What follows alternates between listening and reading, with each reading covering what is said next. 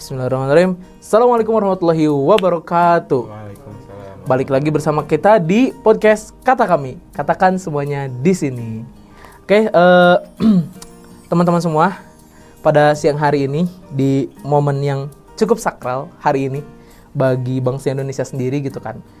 Kenapa? Kenapa sih kok sakral gitu kan? Karena seperti yang teman-teman tahu, hari ini merupakan hari yang cukup bersejarah bagi bangsa Indonesia di mana pada 76 tahun yang lalu bangsa Indonesia sudah berhasil memperoleh kemerdekaannya secara berdaulat gitu kan daripada penjajahan Jepang maupun penjajahan Belanda yang ditandai dengan eh, penyebutan atau pembacaan proklamasi oleh Soekarno. Nah, di masa atau di momentum kemerdekaan ini yang mana bertepatan dengan 17 Agustus 2021 eh, pada siang hari ini di podcast kata kami kita akan sama-sama membahas mengenai kemerdekaan, merdeka berpikir dan merdeka bertindak gitu. Jadi bagaimana eh, esensi aktualisasi dari sebuah kemerdekaan itu sendiri bagi kita masyarakat Indonesia dan khususnya pemuda-pemuda pada eh, yang ada di Indonesia gitu kan. Dan pada siang hari ini saya nggak sendirian gitu kan, nggak mungkin dong sendirian karena saya bukan jomblo. Eh, nah pada siang hari ini eh, saya nggak sendirian dalam momentum eh, yang cukup membanggakan bagi bangsa Indonesia ini. Saya sudah ditemani sama seseorang tamu yang cukup spesial gitu kan. Beliau merupakan eh, mantan ketua umum kami UIN Sunan Gunung Jati Bandung periode 2019-2020 dan sekarang eh, beliau menjabat sebagai ketua umum jaringan advokat kami pusat periode 2021 yang mana tidak lain dan tidak bukan adalah Bang Muhammad Rajil Nurfadli. Sehat Bang? Alhamdulillah. Gimana Niko sehat? Alah, aduh, alhamdulillah sehat Bang, sehat.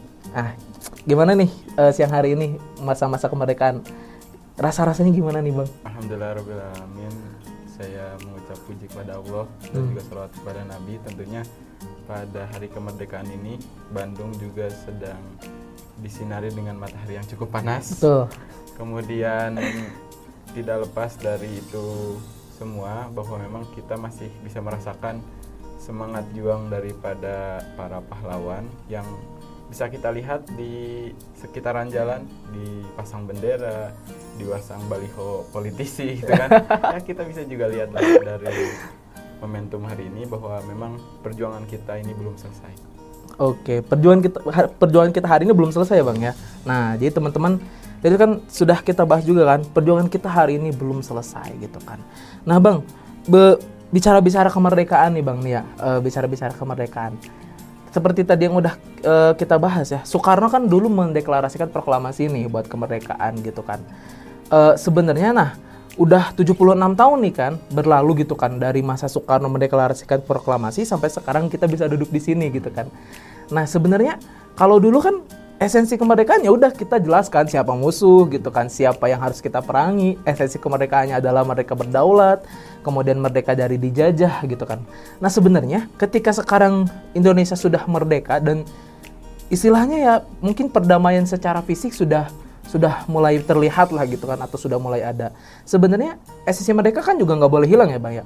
Nah sebenarnya apa sih refleksi dari arti kemerdekaan itu sendiri gitu bagi masyarakat Indonesia dan bagi bangsa Indonesia sendiri gitu kan.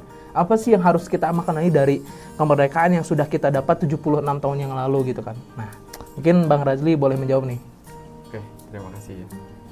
Secara universal, mungkin saya bisa katakan bahwa kemerdekaan hari ini adalah hasil daripada keringat, darah, nanah, dan juga perjuangan yang dikorbankan oleh semua para pahlawan Indonesia yang tanpa dengan eh, ragu itu mengorbankan jiwa dan raganya untuk Indonesia Betul, itu betul. sendiri.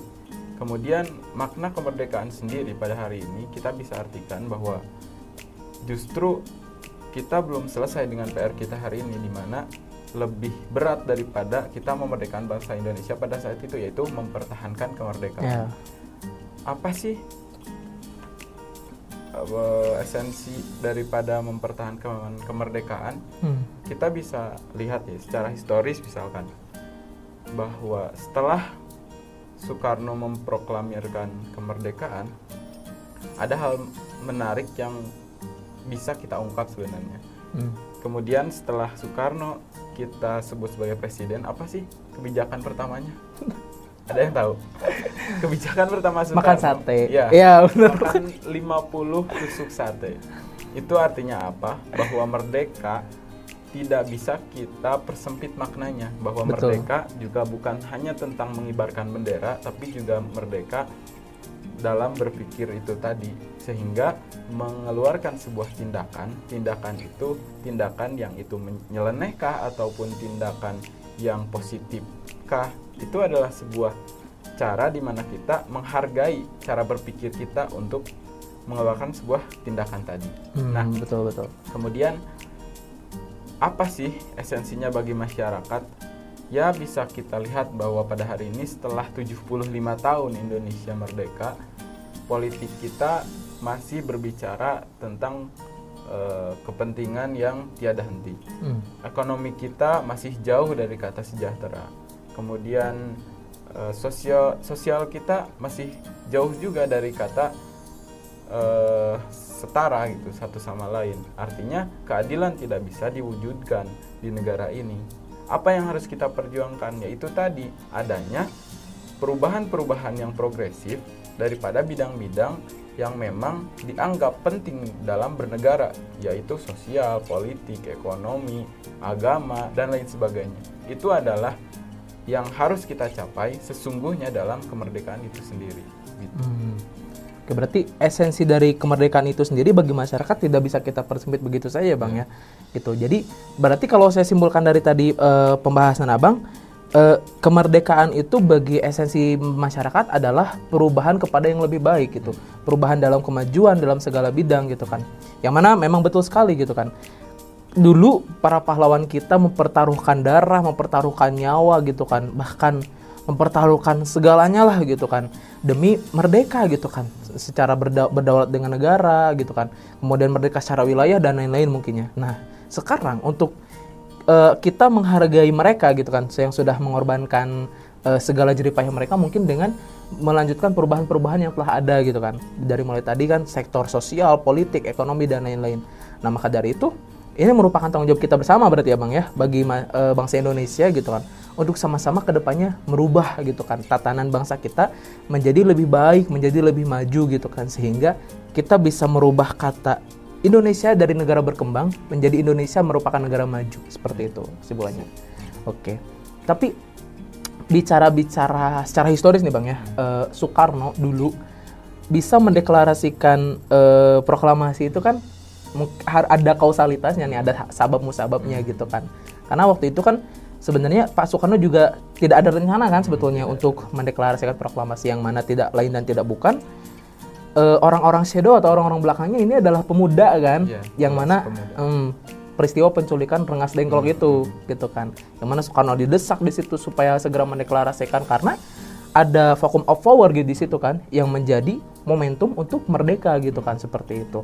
Nah sebenarnya eh, berhubungan dengan pemuda sendiri nih eh, banyak kan sekarang fenomena-fenomena nih pemuda-pemuda yang kadang mereka tuh salah tafsir gitu dalam eh, mengartikan kata merdeka ini gitu kan. Ada yang bahkan yang salah kaprah sampai eh, terlalu bebas lagi terlalu menganggap merdeka gitu kan. Ada yang memang eh, jatuhnya malah apatis gitu kan karena menganggap negara ini sudah damai gitu kan. Kayak gitu. Kalau saya boleh apa mengambil kata-kata dari film Naruto gitu. Hmm, silakan silakan. Bebas dari film Naruto eh, negara yang apa eh, suasana atau keadaan yang sulit itu menghasilkan manusia-manusia kuat. Manusia-manusia kuat itu menghasilkan dunia yang damai. Nah, dunia yang damai menghasilkan manusia-manusia lemah. Nah, terkadang segelintir orang yang lemah inilah yang akhirnya menjadi apatis. Nah, sebetulnya eh, apa sih aktualisasi apa gitu bagi para pemuda kita dalam eh, mengaktualisasikan kemerdekaan ini sendiri gitu kan kan tadi kita bicara esensi nih sekarang aktualisasinya apa gitu kan bagi pemuda nih khususnya supaya mereka bisa menafsirkan kemerdekaan ini dengan tepat gitu kan seperti itu subjektivitas saya pribadi ketika kita menafsirkan se- seorang pemuda dalam Iya.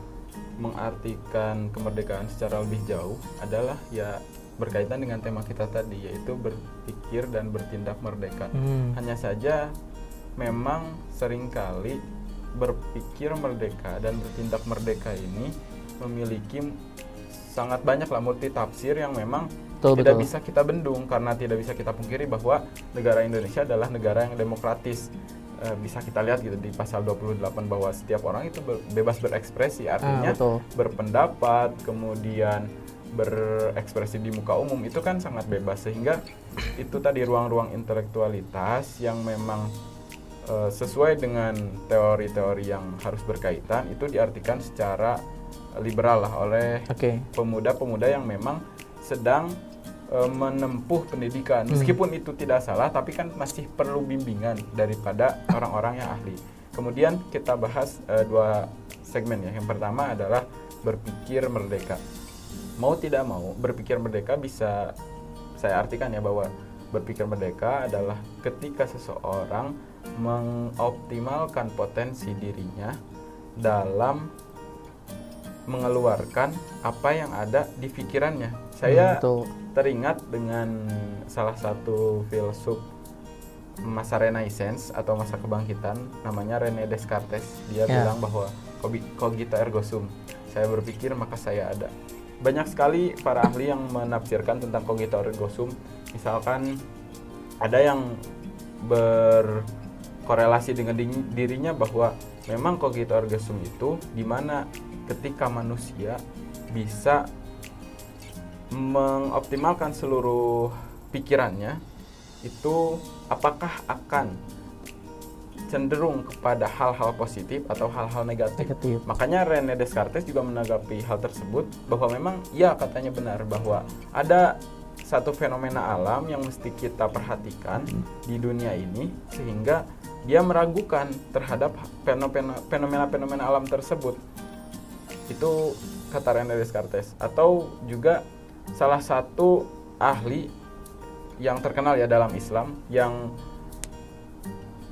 eh, sering kali digunakanlah teori-teorinya oleh Barat juga yaitu Ibnu Khaldun ya. Ya. seorang filsuf seorang fisikawan, Fisikawan. seorang matematika juga. Ya, sosiolog ya juga sosiolog juga yang juga diakui gitu di dunia barat. Itu artinya apa? Bahwa berpikir merdeka itu tidak bisa kita persempit dengan bahwa eh, dan tidak bisa kita kotak-kotakan gitu Hmm. bahwa berpikir yang merdeka adalah ini berpikir yang merdeka adalah adalah ini itu tidak bisa sementara kita telah kita telah telah kita ketahui ya Betul. bahwa dalam Islam adalah ini cerita yang familiar dan mungkin agak sedikit flashback ke Ya, belakang. boleh lah. Ya. Bagi-bagi Ya, dikit. ketika Nabi Muhammad itu diutus oleh Allah, diberikan wahyu, hal yang pertama turun atau yang pertama turun kan Iqra bismi rabbikal ladzi khalaq. Khalaq. Yang artinya adalah e, bacalah dengan menyebut nama Tuhan. Bahkan ahli-ahli dalam Islam itu sering kali menafsirkan bahwa ternyata berpikir merdeka itu adalah dengan membaca. Hmm. Kemudian ada pula ulama kontemporer. Oh, cina, eh, apa? Berpikir mereka tidak cukup hanya dengan membaca. Kita teruskan ayatnya. Iqra bismi rabbikal ladzi khalaq, khalaqal insana min 'alaq, Iqra wa rabbukal akram. Iqra di sana disebutkan dua kali. Ada yang menafsirkan bahwa berarti dalam berpikir merdeka kita tetap harus mendasar dengan membaca dua kali. Hmm. Baik itu membaca fenomena, membaca buku, membaca semua literasi lah. Ada pula ulama kontemporer yang mengartikan bahwa ternyata ikro yang pertama membaca itu adalah supaya kita belajar. Ikro yang kedua adalah supaya kita mengajar.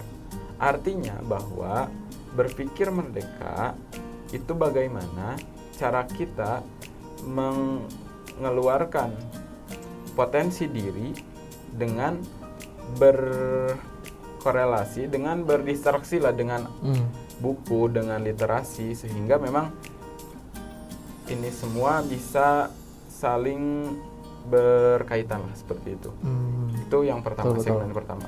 Yang kedua adalah bertindak merdeka. Nah, sering kali tadi yang Bapak Niko utarakan ya bahwa pemuda ini sering kali terlalu liberal Liberal. dalam me- menafsirkan, Menafsirkan ya, sebuah sesuatu. menafsirkan Hmm. kemerdekaan. kemerdekaan Nah, satu hal yang saya analisa sendiri adalah ternyata bahwa kita lupa siapa sih yang memberikan kita kehendak untuk bertindak, siapa sih yang memberikan kita kehendak untuk berpikir, terutama dalam tema bertindak ini, ya kita selaku orang Islam tentunya sering kali melupakan Sang Maha Pencipta dalam Hmm, melakukan. Segala aktivitas yang ingin kita lakukan gitu kan. Itu. Karena mau tidak mau Allah lah penyebab segala sebab. Allah lah penyebab segala sebab. Saya duduk di sini. Sebabnya akibatnya ada podcast. Ya. Kemudian di manakah. Allah? Allah adalah zat yang mengkehendaki supaya saya duduk di sini dan jadi podcast. Itu kemudian analogi yang kedua adalah Niko adalah eh, gini dari cabai dulu. Cabai tidak bisa membuat rasa pedas. Pedas tidak bisa membuat rasa cabai tapi Allah yang menjadikan rasa cabai itu pedas tapi Allah yang menempatkan rasa pedas dalam cabai. nah jadi kita, kalau kita korelasikan tindakan Niko misalkan sekarang. Ya. Eh Niko tidak bisa duduk di sini kecuali ada kehendak dari diri sendiri. tuh Tapi hal yang paling esensial dalam diri kita adalah Allah sebagai zat yang memang menghendaki segala perlakuan kita. Khairihi wa syarihi baik baik itu positif maupun, Maupun negatif, negatif, dan betul. kita selaku hambanya memang harus menerima atas ketentuannya seperti itu. Jadi hal-hal esensial yang berhubungan dengan spiritualitas itu sering kali dilupakan oleh para pemuda. Hmm, kita tuh. bisa saja ber, berdistraksi dengan seluruh alam, berdistraksi dengan seluruh eh, ilmu barat, ilmu timur, ilmu kontemporer, tapi kita sampai jangan sampai lupa bahwa semua di dunia ini hal itu semua adalah ada yang mengatur, yaitu Allah Subhanahu. Seperti itu. Oke, berarti eh, intinya untuk mere- apa untuk merdeka secara berpikir sendiri bisa kita katakan dengan membaca gitu kan, membaca dan menajamkan aktualisasi pikiran kita kan gitu ke mana me- apa tadi kan seperti yang dikatakan sama filsuf Yunani kan, aku berpikir maka aku ada gitu kan, dan itu juga salah satu alasan kenapa Allah gitu kan memberikan kita akal gitu kan, memberikan kita akal dan menyuruh kita untuk berpikir gitu kan, bahkan dalam ayat Al-Quran juga banyak sekali kan perintahnya gitu kan untuk berpikir gitu kan. Jadi nih berarti pesan nih bagi teman-teman juga nih. Berarti arti dari mereka berpikir adalah ketika kita bebas dari kebodohan kan esensinya gitu. Kita membaca, kita menga- mengasah pikiran gitu sehingga kita bisa menjadi manusia yang seutuhnya gitu kan. Manusia yang bisa memanusiakan manusia. Karena kalau manusia itu cerdas, otomatis bisa memanusiakan manusia gitu kan, seperti itu. Nah, kemudian kalau saya simpulkan tadi juga nih bang dari apa eh, aktualisasi kemerdekaan diri berarti mereka bertindak ya Eh, mereka bertindak itu kan tadi kan eh, dikatakan bahwasanya eh, semua yang kita lakukan itu adalah eh, ada sabab-musababnya dari Allah Subhanahu Wa Taala nih baik eh, buruk baik negatif ataupun positif. Nah terkadang dalam eh, sering ada pembenaran seperti ini bang. Oh kalau begitu eh, saya mabuk Allah dong yang menentukan gitu kalau begitu saya maling saya eh, apa misalkan saya punya pikiran ke kiri-kirian atau misalkan saya punya pikiran ke kanan-kananan ya itu sudah ditentukan oleh Allah dong artinya Allah menginginkan saya untuk menjadi manusia yang memang manusia yang eh, tidak sesuai dengan yang dia perintahkan gitu karena suka ada pembenaran seperti itu nah itu sebenarnya bagaimana bang itu. Sebelum kita beranjak, Hmm. ini kasihan gitu oh kan. iya betul Masa kita pandang terus kan, tapi gak diminum. Bener Seperti sprite ya. ya seperti seperti memang ya. Bicara tentang hal tadi. Salah kaprah dalam menafsirkan. Ada analogi yang sama dengan hal seperti itu. Misal di salah satu keterangan bahwa as-salat tanhanil fahsyai wal munkar. Salat itu mencegah kita dari perbuatan keji dan mungkar. Mungkar. Lalu ada statement misalkan, lalu mengapa orang-orang yang sholat masih suka melaksanakan maksiat? nah, masih suka melaksanakan hal-hal yang dilarang oleh Allah Subhanahu wa taala. Itu menurut Niko gimana? Ketika kita setelah sholat masih ada orang yang sering berbuat maksiat dan eh, masih ada yang suka apa tadi? Iya, suka berbuat Ah, keji. gitu. berbuat keji. Padahal dia seorang yang suka sholat gitu. Hmm. Berarti kalau gitu ya ada yang salah dari tata dari sholatnya esensi sholatnya itu gitu esensi sholat yang dia lakukan itu untuk apa dari mulai niatnya gitu kan sampai dia ketika sholat tujuannya untuk apa terus dia memaknai apa dalam sholat itu gitu apa hanya sekedar menggugurkan kewajiban atau enggak gitu kan Ya. dari situ sih biasanya Sip. Mungkin secara eh, tersirat Iya. itu adalah hal-hal yang memang lazim ya di Iya. manusia. Tapi secara kontekstual bisa kita lihat dalam keterangan tersebut memang yang menjadi dasar adalah bahwa tafsiran ulama terkait hal tersebut ternyata sholat itu menimi- meminimalisir Minimalisir. daripada keji dan mungkar kita bisa kit, bisa saja kita orang yang sholat saja masih suka melaksanakan maksiat apalagi orang yang tidak melaksanakan Hmm. sholat seperti itu secara Iya, iya. kontekstualnya Hmm. nah lalu kemudian di mana letak sebenarnya kesalahan daripada takdir itu sendiri nah yang seperti tadi saya uraikan bahwa memang dalam menciptakan segala sesuatu Hmm. Allah itu selalu memiliki latar belakang masalah gitu ya kalau umum di mahasiswa atau selalu memiliki alasan yang kuat. Ada setiap orang itu dikasih oleh Allah pilihan. Maka kebaikan dan keburukan itu Allah sediakan supaya apa? Supaya eh, ada dalam Quran yaitu nabtalihi. Saya mengutip dari guru saya ya ya nabtalihi supaya manusia itu diuji. Hmm. Jadi kebaikan dan keburukan Allah ciptakan itu justru Allah ingin menguji terhadap hambanya sejauh mana dia dapat memilih, dia dapat mengaktifkan tendensinya Hmm. apakah akan kepada hal-hal yang positif atau negatif. Itulah di sana Allah itu adalah makhluk eh, mohon maaf zat yang paling adil gitu. Bahkan kan kalau kita bisa bilang atau analogikan ulang misalkan kenapa Allah menciptakan dunia itu tidak semuanya tentang kebaikan gitu. Tidak semuanya tentang ya. eh, Islam gitu yang Hmm. paling familiar. Tidak semuanya. Ya justru itu gitu. Di ayatnya jelas bahwa Allah ingin menguji daripada hamba-hambanya. Seperti Hmm. itu.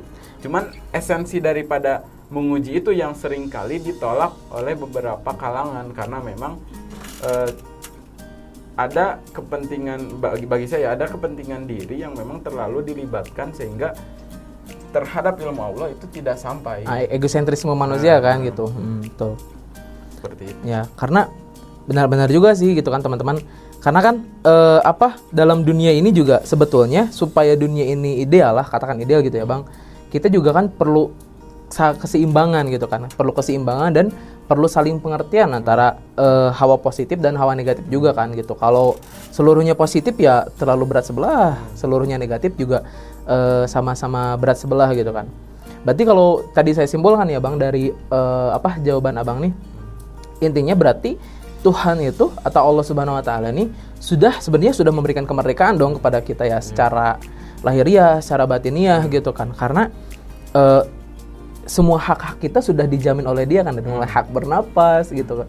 Cuman terkadang dari kemerdekaan yang kita dapat itu kita lupa untuk menjalankan kewajiban kita selaku hamba kepadanya gitu kan. Sehingga muncullah di situ rasa egosentris kemanusiaan egosentris bukan egosentris kemanusiaan ya egis- egosentris manusia kita gitu selaku hamba yang memang tidak sempurna juga gitu kan. Di mana ketika keadaan yang sedang terpojok maka pikiran juga akan menjadi kurang optimal gitu kan. Nah di situlah sebetulnya esensi dari mereka bertindak itu adalah di mana kita ber- bisa bertindak secara bijak gitu kan. Bisa bersikap dewasa yang mana korelasinya tadi dengan membaca berarti kan bang di mana membaca itu adalah narasi dan literasinya. Dan eh, mereka bertindak ini atau sikap bersikap dewasa dan bersikap secara manusiawi itu adalah eh, aktualisasi dari membaca itu sendiri. Nah, teman-teman, itulah gitu eh, esensi dari eh, mereka berpikir dan eh, mereka bertindak tadi gitu kan. Karena jangan lupa nih, Tuhan juga sudah memberikan kita kemerdekaan, tapi terkadang kita yang lupa sendiri bahwa diri kita sudah merdeka gitu kan secara ruh maupun secara Jasari gitu kan.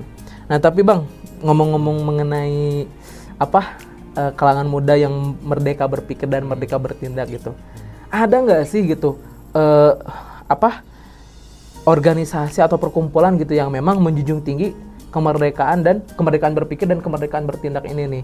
Mungkin bisa nanti salah satunya ada ini kami ya bang. Nah ada kami karena kita juga dari kami kan. Nah kami juga kan kalau saya baca dalam salah satu kredonya itu kan ada kami adalah orang-orang yang berpikir dan berkehendak merdeka. Nah kalau tadi kan eh, penjabaran secara umum nih. Nah kalau untuk kader kami sendiri nih bang nih pesan-pesan buat kader kami gimana sih aktualisasi dari berpikir dan berkehendak merdeka buat anggota kami sendiri gitu khususnya? Yang pertama, sebenarnya frame berpikir dan bertindak merdeka itu akan menghasilkan terhadap manusia sebuah pilihan dalam berorganisasi.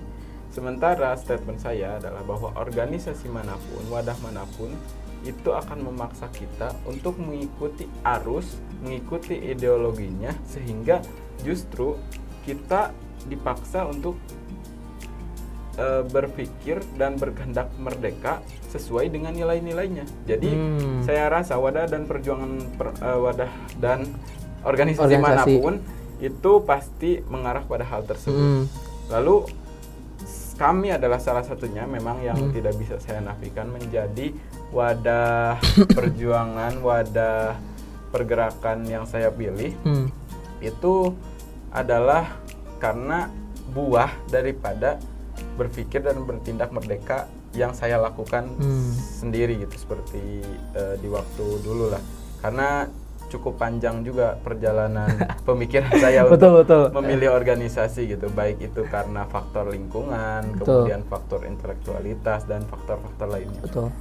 I- kemudian dalam satu kredo kami kan berpikir dan ber Ya kami adalah orang-orang yang berpikir dan Hmm. merdeka. Nah itu itu bisa kita aktualisasikan bahwa ternyata anak-anak kami memang seharusnya memiliki semangat, memiliki giroh yang memang lebih daripada orang-orang yang tidak berorganisasi. Organisasi khususnya. betul. Ya. Hmm. Kemudian dengan cara apa? Ya dengan cara meningkatkan kualitas diri, kapabilitas diri dalam bidang apa pun. Karena ilmu itu tidak bisa kita persempit bahwa ilmu yang benar adalah ilmu agama. Oh tidak. Justru dalam banyak keterangan Betul. gitu kan. eh orang contoh misalkan orang yang berilmu itu akan masuk surga. Nah, apakah ilmu itu identik dengan ilmu agama? Tidak, Tidak hanya juga, saja. betul. Khusus di Indonesia, ilmu itu memiliki penyempitan makna yaitu tadi ilmu itu adalah orang-orang yang paham di dalam Di bidang agama, betul. Padahal Hmm. Ilmu ilmu kedokteran ap- at- apakah dia akan masuk surga? Ya, apabila dia memanfaatkannya secara optimal dan juga tetap menjalankan nilai-nilai dari agamanya itu sendiri yaitu Islam. Hmm, betul. Itu yang pertama. Yang kedua adalah dalam memahami ilmu tidak bisa kita eh, pahami secara satu kali tapi harus secara berkali-kali. Kenapa Ya. ya? Jelas tadi kan ikro khalaq khalaqal insana min alaq ikro wa rabbikal akram. Ada dua kata ikro berarti kita harus membaca dua kali membaca berkali-kali untuk mendapatkan ilmu karena jujur gitu. Memang guru saya berkata juga Ustadz Syabudin ketika kita memahami ilmu itu ilmu itu yang datang hanya sedikit. Ketika kita membaca lagi ilmu akan datang lagi sedikit, sedikit demi sedikit, lama-lama menjadi Bukit. seperti Tuh. itu. Sehingga apa yang kita nanti narasikan, apa yang kita nanti argumentasikan itu berdasarkan ilmu, berdasarkan kemampuan yang memang mumpuni Hmm. seperti itu. Lalu langkah selanjutnya adalah apa sih konsekuensi ketika kita tidak berilmu? Maka konsekuensi adalah dari orang ketika tidak berilmu adalah taklid, yaitu buta akan pemikiran ahli, akan salah satu golongan sehingga muncul fanatisme seperti itu. Kemudian ada satu keterangan yang menjelaskan bahwa suatu ketika setan ingin masuk ke masjid Hmm. tapi di masjid tersebut ada dua orang yang satu orang yang sedang sholat yang satu orang yang sedang tidur lalu malaikat bertanya kepada setan ya setan kenapa engkau tidak atau enggan eh, enggan untuk masuk ke masjid sekarang juga kata setan apa? Aku takut karena di dalam ada orang yang berilmu kata malaikat. Mana orang yang berilmu? Kata setan orang yang berilmu adalah orang yang tidur sementara orang yang sholat adalah orang yang bodoh. Bisa kita lihat ya bahwa di sana terjadi uh, pembatasan ataupun ada kerenggangan yeah. antara derajat orang yang bodoh meskipun yeah. beribadah tapi dengan orang tidurnya orang yang berilmu tidurnya orang berilmu itu berarti kan sangat signifikan iya, sekali yeah, ya kelihatan ciri dan spesifikasinya. Seperti itu. Jadi memang yang perlu kita tingkatkan tetap adalah ilmu dalam memahami segala sesuatu. Karena dengan ilmu kita akan berpikir secara merdeka, bertindak secara merdeka tanpa kita sadari, tanpa kita ingini sebenarnya ilmu membimbing kita kepada hal-hal yang lebih positif. Seharusnya ya. Seharusnya gitu. Oke, berarti nih uh, pesan juga nih uh, apa pelajaran juga buat teman-teman uh, pemuda-pemuda semua nih. Terutama terususnya uh, kadar-kadar kami juga gitu kan. Jadi merdeka itu bukan berarti ah gimana saya gitu kan, ah gimana saya, dah, saya mau merdeka gitu kan. Kadang suka ada yang kayak gitu kan, konyolnya juga kan. Nah, jadi sebenarnya merdeka itu adalah di mana kita bisa memprogreskan diri kepada yang lebih baik dengan ilmu yang kita punya kemudian kita aktualisasikan dengan amal gitu hmm. kan di mana di situ terjadilah progres perubahan perubahan karena kan seperti tadi pembahasan kita juga di awal kan. Indonesia esensi Indonesia mereka bagi masyarakat adalah sebuah perubahan kepada yang lebih baik gitu karena sama dengan diri kita juga gitu kan e, makna dari merdeka itu sendiri bukan berarti kita bebas sebebas bebasnya gitu kan. Kita kita apa kumaha kumaha orang lah membahasa Sunda nama gitu kan. Gimana kita gitu. Nggak agak seperti itu gitu kan. Karena setiap kebebasan juga sudah pasti ada takarannya gitu kan yang sudah diatur oleh Allah Subhanahu wa taala gitu kan setiap kemerdekaan itu. Dan esensi mereka juga pasti bukan berarti uh, esensi dari uh, tidak ada batas seperti lingkaran gitu kan bahkan lingkaran saja sebetulnya ada batasnya hanya batas itu semu gitu kan nah sama seperti kemerdekaan dalam pola lingkaran pun kemerdekaan itu memang ada batasnya hanya menurut beberapa orang itu semu hmm. gitu kan. Nah, seperti itu. Oke, teman-teman, tadi kan kita udah ngobrol panjang nih, panjang lebar hmm. bahkan ya cukup berisilah hmm. dan daging gitu ya. Insya Allah. Insya Allah hmm. gitu dan semoga obrolan kita tadi mengenai esensi dari kemerdekaan bagi masyarakat dan bangsa Indonesia, kemudian uh, aktualisasinya bagi para pemuda sampai tadi kita bahas mengenai uh, aktualisasi dari nilai kredo kami hmm, ya, hmm. yang mana uh, kami adalah orang-orang berpikir dan berkendak merdeka. Nah, semoga itu semua uh, bisa bermanfaat lah amin, bagi ya teman-teman semua gitu, hmm. uh, umumnya bagi masyarakat uh, Indonesia gitu, para pemuda dan khususnya bagi kader-kader kami sendiri gitu kan. Hmm. Nah, kita sudah berada di penghujung podcast nih, guys. Hmm. Sudah ada penghujungnya aja nih. Hmm. Setiap pertemuan pasti ada perpisahan gitu kan. Jadi jangan sedih, jangan sungkan. Hmm jika ada sumur di ladang boleh kita menumpang hmm. mandi mungkin jika ada umur yang panjang insya Allah ya bolehlah kita berjumpa hmm. lagi kan ya nah merdeka itu uh, bukanlah satu hal yang uh, sempit hmm. untuk ditafsirkan merdeka itu kita bicara perubahan merdeka itu kita bicara independensi hmm. nah sebelum kita tutup ada closing statement nggak nih dari ya. Bang Razli nih Siap. mana jadi apabila kita kembali ya kepada hmm. tema besar kita berpikir dan berkehendak merdeka, merdeka bahwa memang kemerdekaan sejatinya adalah dua segmen tadi berpikir dan berkehendak merdeka yang dikorelasikan yang diiringi ya dengan keadilan sosial karena mau tidak mau keadilan sosial di masyarakat itu perlu kita wujudkan secara betul, bersama betul. yang nanti orientasi lebih jauhnya adalah kesejahteraan rakyat kita perlu memperjuangkan hak-hak rakyat dalam politis sehingga kepentingan-kepentingan mereka, aspirasi mereka dapat kita tampung. Hmm. Kemudian kita juga harus memperjuangkan rakyat dalam hal-hal ekonomi agar mereka tidak lagi kesusahan dalam segi material. Namun lebih jauh daripada itu, bahwa kemerdekaan adalah mengenai tentang hati dan pikiran kita yang memang bebas dalam berekspresi. Meskipun sudah kita ketahui bahwa bangsa ini adalah bangsa yang demokratis, namun tidak bisa kita lepaskan karena itu perlu harus kita jaga secara bersama nilai-nilainya, uh, kemudian komitmen bangsa itu sendiri. Karena mau tidak mau hal-hal yang berkaitan dengan rakyat itu hal-hal yang berkaitan dengan kemanusiaan, hal-hal yang berkaitan dengan kesejahteraan seperti itu. E, satu kata-kata yang selalu saya ingat bahwa seorang anonim pernah berkata, kemerdekaan akan percuma karena rakyat hanya mempunyai aspirasi, sementara pemerintah punya kuasa. Seperti itu. Jadi kemerdekaan akan percuma gitu, karena rakyat hanya sebatas penyampai aspirasi, uh, penyampai kan? aspirasi. sebetulnya mereka adalah raja paling utama. Uh, tapi kan di negara ini tidak, tidak. seperti itu ya. Dan itu masih berbeda. harus kita perjuangkan iya, ya selaku betul. pemuda. Selaku pemuda. Seperti itu, nah, Aniko. Berarti uh, intinya adalah uh, negara itu bertugas menyejahterakan rakyat. Hmm. Dalam demokrasi rakyat adalah raja paling utama hmm. gitu kan.